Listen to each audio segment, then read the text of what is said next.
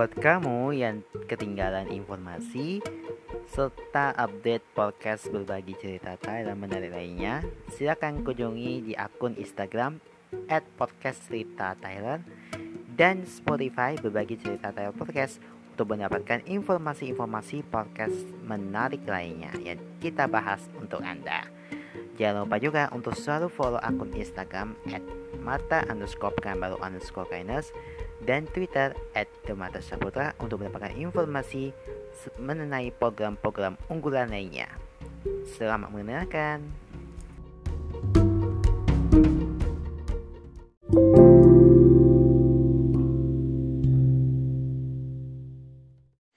Welcome to podcast berbagi cerita Tyler season 9 Selamat datang dan terima kasih yang sudah mau dengerin cerita bersama kita. Kali ini saya ditemani dua orang bersama saya Melika Saputra dan temanku Tyler King yang sekarang sudah berada di berada siaran dari rumah masing-masing. Uh, thank you selalu yang udah dengerin dan support dengan konten-konten kita. Thank you banget apalagi di season 9 ini banyak sekali lah cerita-cerita yang mau dikongsikan kepada kalian semua tentang uh, sesuatu hal yang mungkin patut kita simak ya patut kita membicarakan suatu reaction atau satu cerita tentang sebuah pengalaman yang sangat berharga. Nah, buat kalian yang langsung dengerin silahkan aja dengerin aja di Spotify atau klik bio di IG Story dan Twitter. Jadi ada linknya di situ, langsung tinggal klik episode mana yang kamu suka dan jangan lupa untuk follow dan bunyikan lonceng atau bunyikan notifikasinya supaya kamu bisa menikmati episode-episode baru setiap hari Senin, Rabu, dan juga Jumat. Yang pastinya sudah tayang di Spotify. Dan thank you banget ya yang sudah dengerin hampir 2,7 sampai 3000. Thank you banget semuanya. Kami tidak lepas kepada kalian yang sudah mau dengerin, yang mau sharing sama kita karena ini perjalanan awal di season 9 ini banyak sekali eh, cerita-cerita uh, dan juga pengalaman-pengalaman selama kita walaupun aku gak bersiaran tapi sekarang bisa masih tetap bisa siaran di season 9 ini walaupun aku banyak kekurangan walaupun aku banyak hambatan juga untuk bikin tayangan ini tapi so thank you banget ya udah mau dengerin kita dan juga buat teman-teman yang sudah follow thank you banget baik di Spotify, Twitter dan juga Instagram. Dan terima kasih buat cerita-cerita kamu yang di DM. Nanti aku akan balas. Dan kita akan membahas satu buah film yang berkaitan dengan kisah uh, tentang bullying ya. Ini terhadap seorang gadis penyandang tunarungu yang berjudul A Silent Voice. Langsung saja kita dengerin dan simak selengkapnya. Oke, di episode kali ini kita akan membahas tentang film A Silent Voice. Jadi aku udah mau mengutip dari artikel yang sudah kami rangkaikan dalam sebelumnya tentang film yang berjudul A Silent Voice, seorang wanita yang selalu dibully, bikin air mata bercucuran. Jadi, film ini menceritakan tentang seorang pemuda yang bernama Zoya Isidia. Dia adalah seorang siswa SMA dan dulunya ia terkenal selalu membuli seorang siswi pindahan yang bernama Soko Hinishimiya yaitu adalah seorang tunggalungu.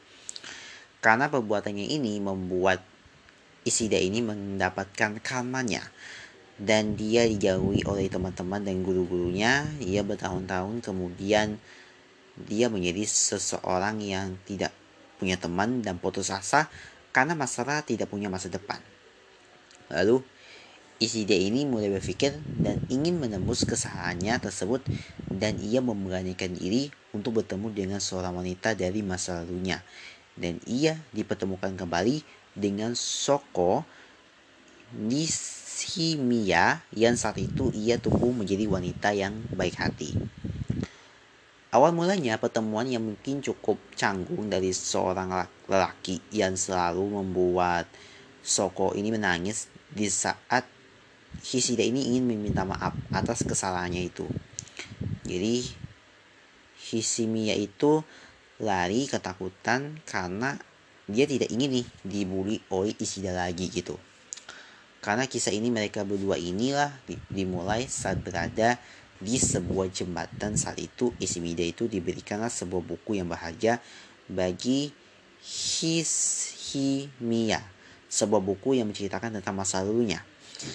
Kisah penuh dalam film anime A Science Force ini sendiri dihantarkan ke dalam benak dan hati penonton dalam gambar-gambar animasi yang tidak kalah indah dengan karya-karyanya Saudara ini adalah Makoto Shinkai dan musik yang mengalurkan di dalam adegan-adegannya pun di samping sangat indah dan juga mungkin semakin mengeluarkan kesan yang didapatkan dari dalam ceritanya.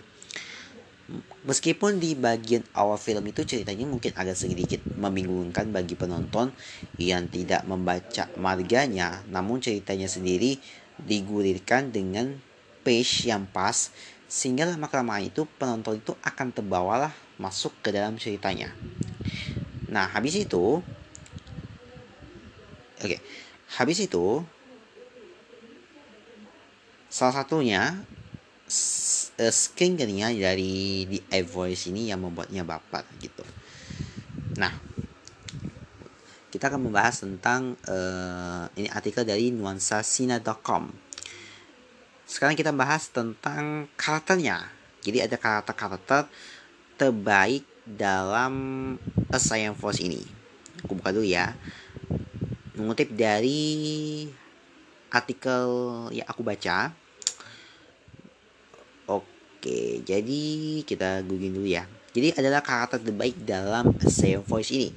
Salah satu buah anime yang memiliki karakter-karakter yang terbaik sehingga menjadi bahan pembicaraan dari kalangannya itu baik itu yang menyukainya maupun membencinya. Karakter-karakter inilah yang sangat diaspirasi atau diinspirasikan karena dapat membentuk cerita yang cukup berkesan di Alzheimer's ini. Jadi film ini sendiri dibangun oleh studio Koyo Animation beserta kreator aslinya Yoshitoki Oima. Kinerja yang dilakukan ini cukup baik dalam membangun karakter dalam animenya. Film ini sendiri dirinya membangun Oke, balik jalan ceritanya ini. Nah, jadi uh, jadi uh, diri ini membangun agar lebih diminati dengan membentuk karakter-karakter yang mudah sekali untuk dipahami dan diingat dalam bentuk benar hati para audiens. Terlebih lagi ini film ini merupakan anime movie yang cukup sukses di tahun 2016. Dengan kesuksesan inilah sebagai anime uh, movie ini dengan daya tarik yang setara dengan anime sebelumnya walaupun masih di bawahnya tapi bisa memberikan kesegaran tersendiri gitu di mata dalam menonton anime ini. Nah, kesuksesan dalam anime ini pun didukung dengan karakter yang baik dan sangat berkesan sekali. Maksud saya, kita masuk ke to the point ya. Setelah bahasa basi yang dilakukan, kita akan memberikan top karakter yang menurut aku tuh sangat mendukung dalam anime ini. Kita mulai dari urutan yang ke-10. Orang ke-10 yaitu Miyako Ishidia. Miyako Ishidia ini merupakan seorang ibu tunggal dari Soyakun. Nah dirinya ini sangat sayang sekali dan berdedikasi sam penuh sama Soya yang dan keponakannya adalah Maria. Dirinya ini merupakan tukang potong rambut di rumahnya dan satu-satunya yang bekerja untuk itu.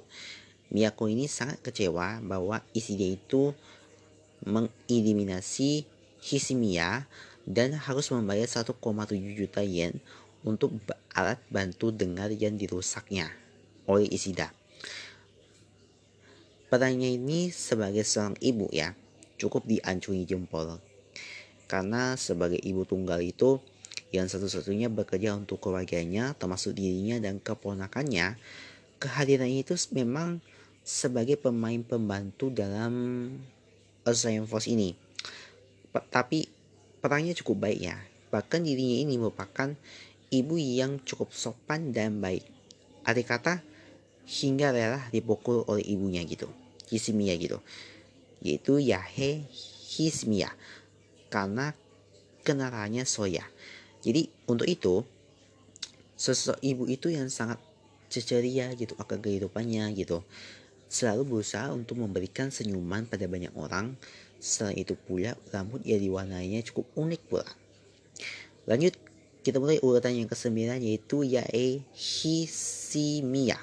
Yae Hisimiya adalah ibu dari keluarga Hisimiya yang merupakan ibu tunggal hasil perceraian oleh ayahnya. Karena Suko yang lahir dalam keadaan, mohon maaf, tunggangungu, serta setelah suaminya ini pergi ya. Dia mendapatkan anak bernama Yuzuru dan dirawat oleh ibunya Yare Isimiya ini. Ya Ismia ini merupakan wanita yang dingin dan kuat harus menghadapi perceraian yang begitu merusak hubungan rumah tangganya. Dirinya punya harapan bahwa Souko ini harus menjadi anak yang kuat. Namun dirinya ini lebih sering bekerja ketimbang merawat anaknya gitu. Bahkan dirinya itu dia tidak mengetahui bahwa Yuzuru ini tidak bersekolah dan lebih sering men, apa ya memotret binatang mati gitu. Dirinya ini hanya menginginkan bahwa anaknya itu harus kuat dan siap untuk menerima kenyataan hidup seperti dirinya waktu dalam perceraian. Satu hal kenapa aku memilih dia nomor 9 itu karena jika lo ceritanya diperdalam lagi dan diperkuat gitu karakter dari ibunya ini sangat top karena harus melewati masa-masa sulit gitu. Namun yang disayangkan adalah sifat dirinya ini pesertanya itu tidak memiliki ciri khas yang unik di wajahnya gitu.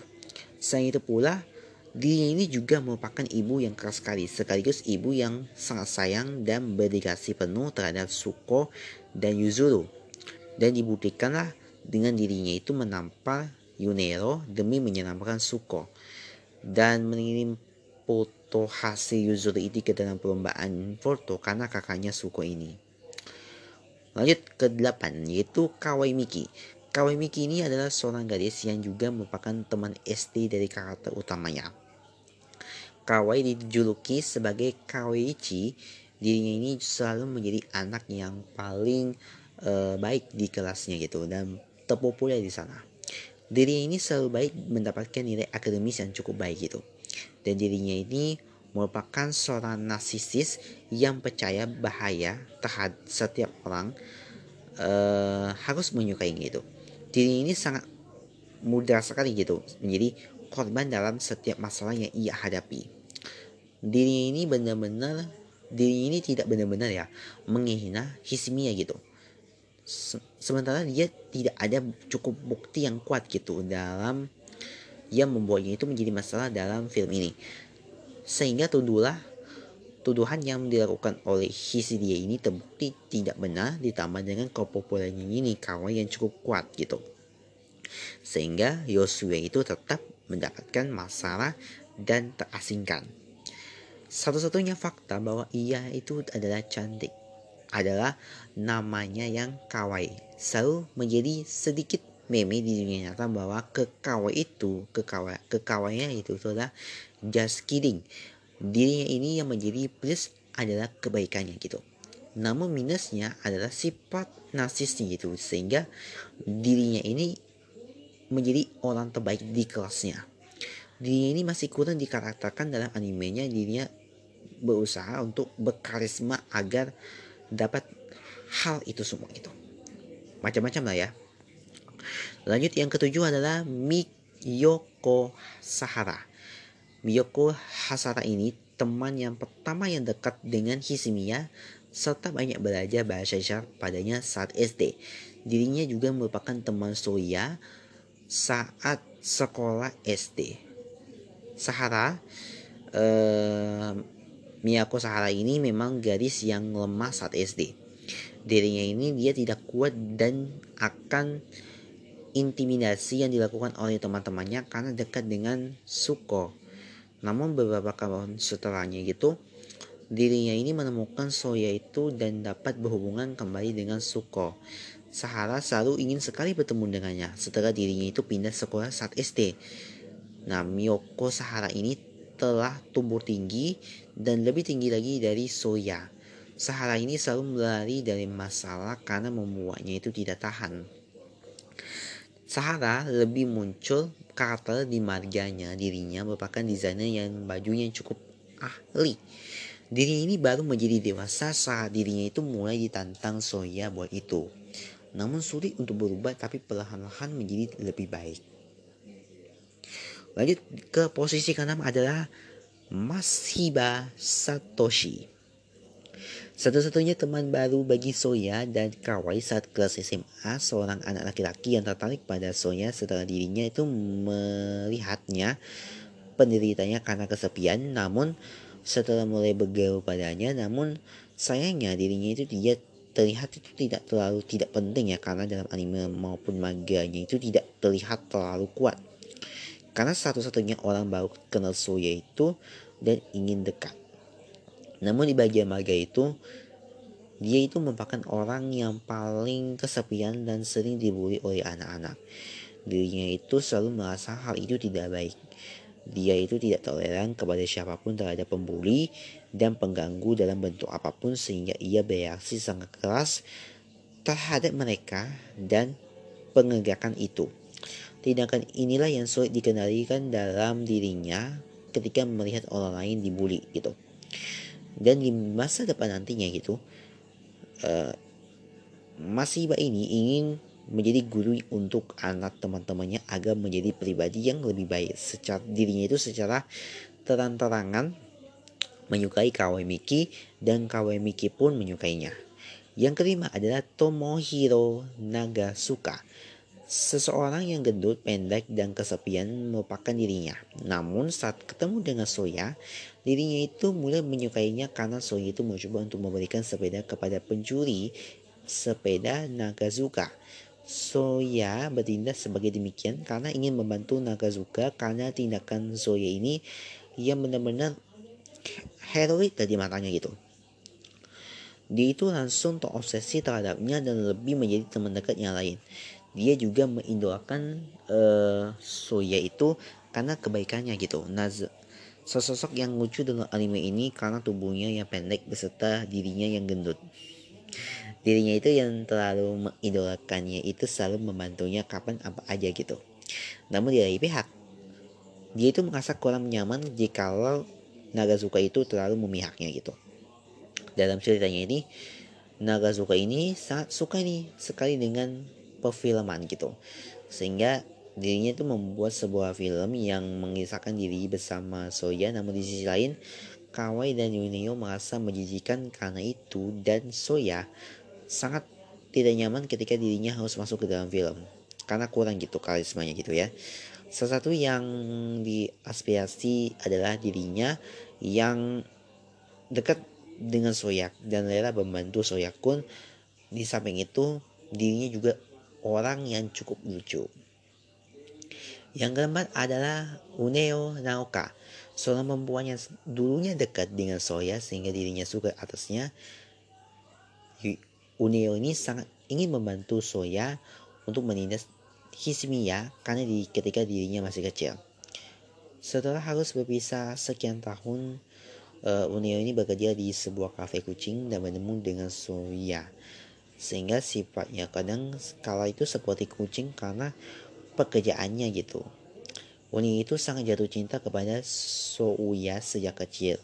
Namun melihat bahwa Suko ini juga suka akan Souya, Uneo ini merasa cemburu apa yang dilakukannya sehingga tumbuh sebagai gadis yang sangat kesal kepada Suko.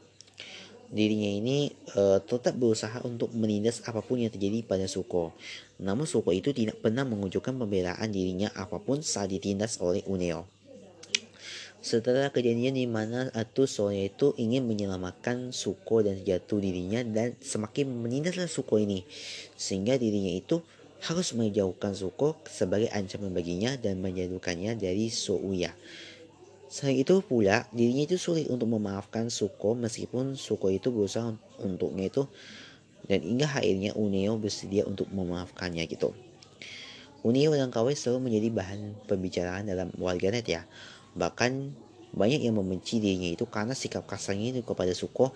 Namun satu hal yang pasti diingat adalah Paha Uneo. Namun sebenarnya ini dirinya hanya kesal dan cemburu pada Suko karena dekatnya sekaligus menyukai Soya saja. Sebenarnya di sisi lain dirinya cukup baik dalam merawat Soya di rumah sakit. Yang ketiga adalah Yuzuru Hishimida. Kishimida Yuzuru adalah adik perempuan dari Suko yang saat ini duduk di kelas sekolah menengah.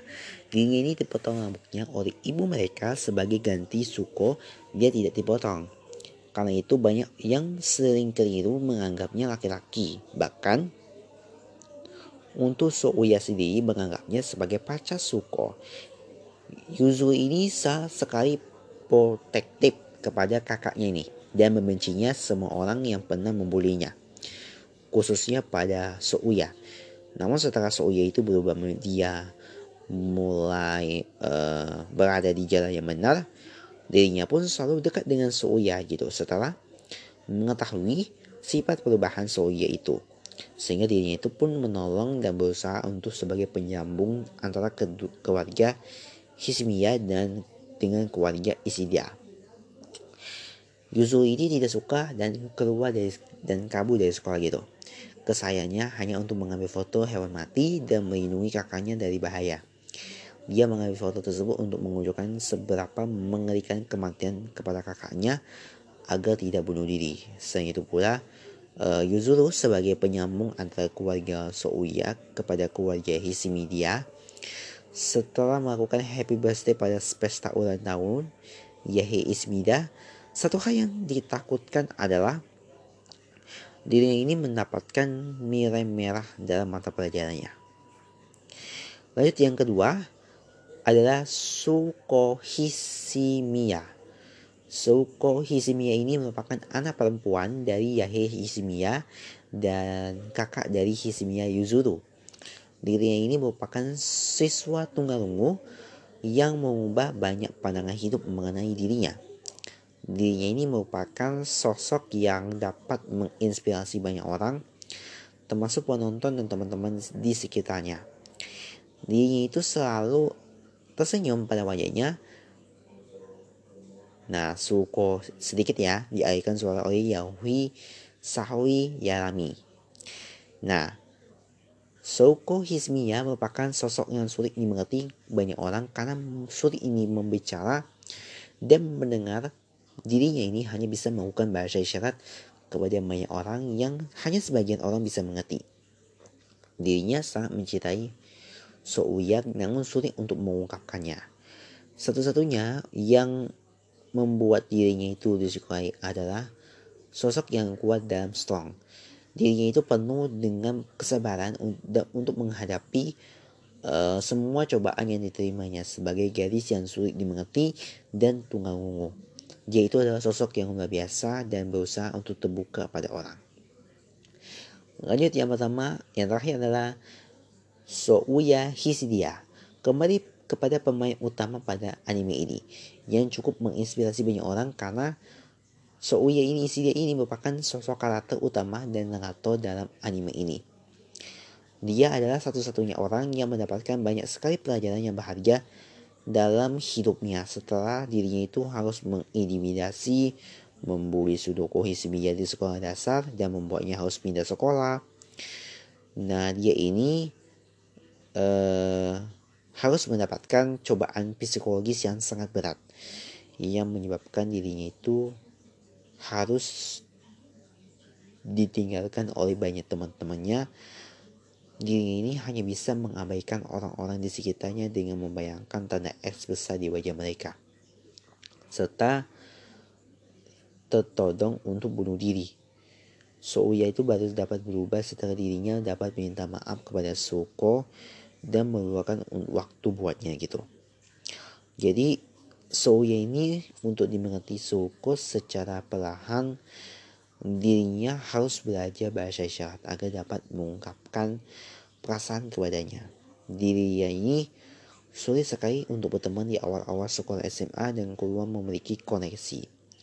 Namun hingga dirinya itu berubah-ubah dan mengubah berubahlah sehingga berhasil untuk menggapai koneksi dan interaksi kepada orang-orang di sekitarnya. Jadi Soya ini merupakan sosok pembuli yang baru saja mengalami karma yang sangat menyakitkan dalam hidupnya. Dirinya ini adalah salah satu inspirasi terbaik dalam anime ini yang berusaha untuk mengubah cara pikir serta pandangan hidupnya. Setelah Suduko ini pergi ke Tokyo, dirinya mulai berpikir atau memikirkan bagaimana masa depan terbentuk. Jadi sejujurnya nih, uh, sejujurnya antara manga dan anime memiliki perbedaan yang cukup jauh ya, walaupun inti cirinya tetap dipertahankan. Oleh sebab perbedaan inilah yang membuat beberapa karakter tidak berasa kuat dan masih kurang keluar gitu untuk uh, mendapatkan karakteristik yang kuat maka harus membaca manga dan menonton film ini secara ulang-ulang itu agar mendapatkan karakteristik yang kuat dari animenya. Jika masih belum mendapatkannya, maka harus kembali kepada manga feel uh, Koe no Kadachi kayak Yoshitoiki Orohima yang menginspirasi banyak orang. Oke, sekian dulu ya untuk episode kali ini. Namun ada satu cerita lagi, ada satu episode baru yang akan datang. Jadi tungguin aja ya episode barunya seperti apa. Dan jangan lupa untuk selalu follow dan juga selalu bunyikan lonceng.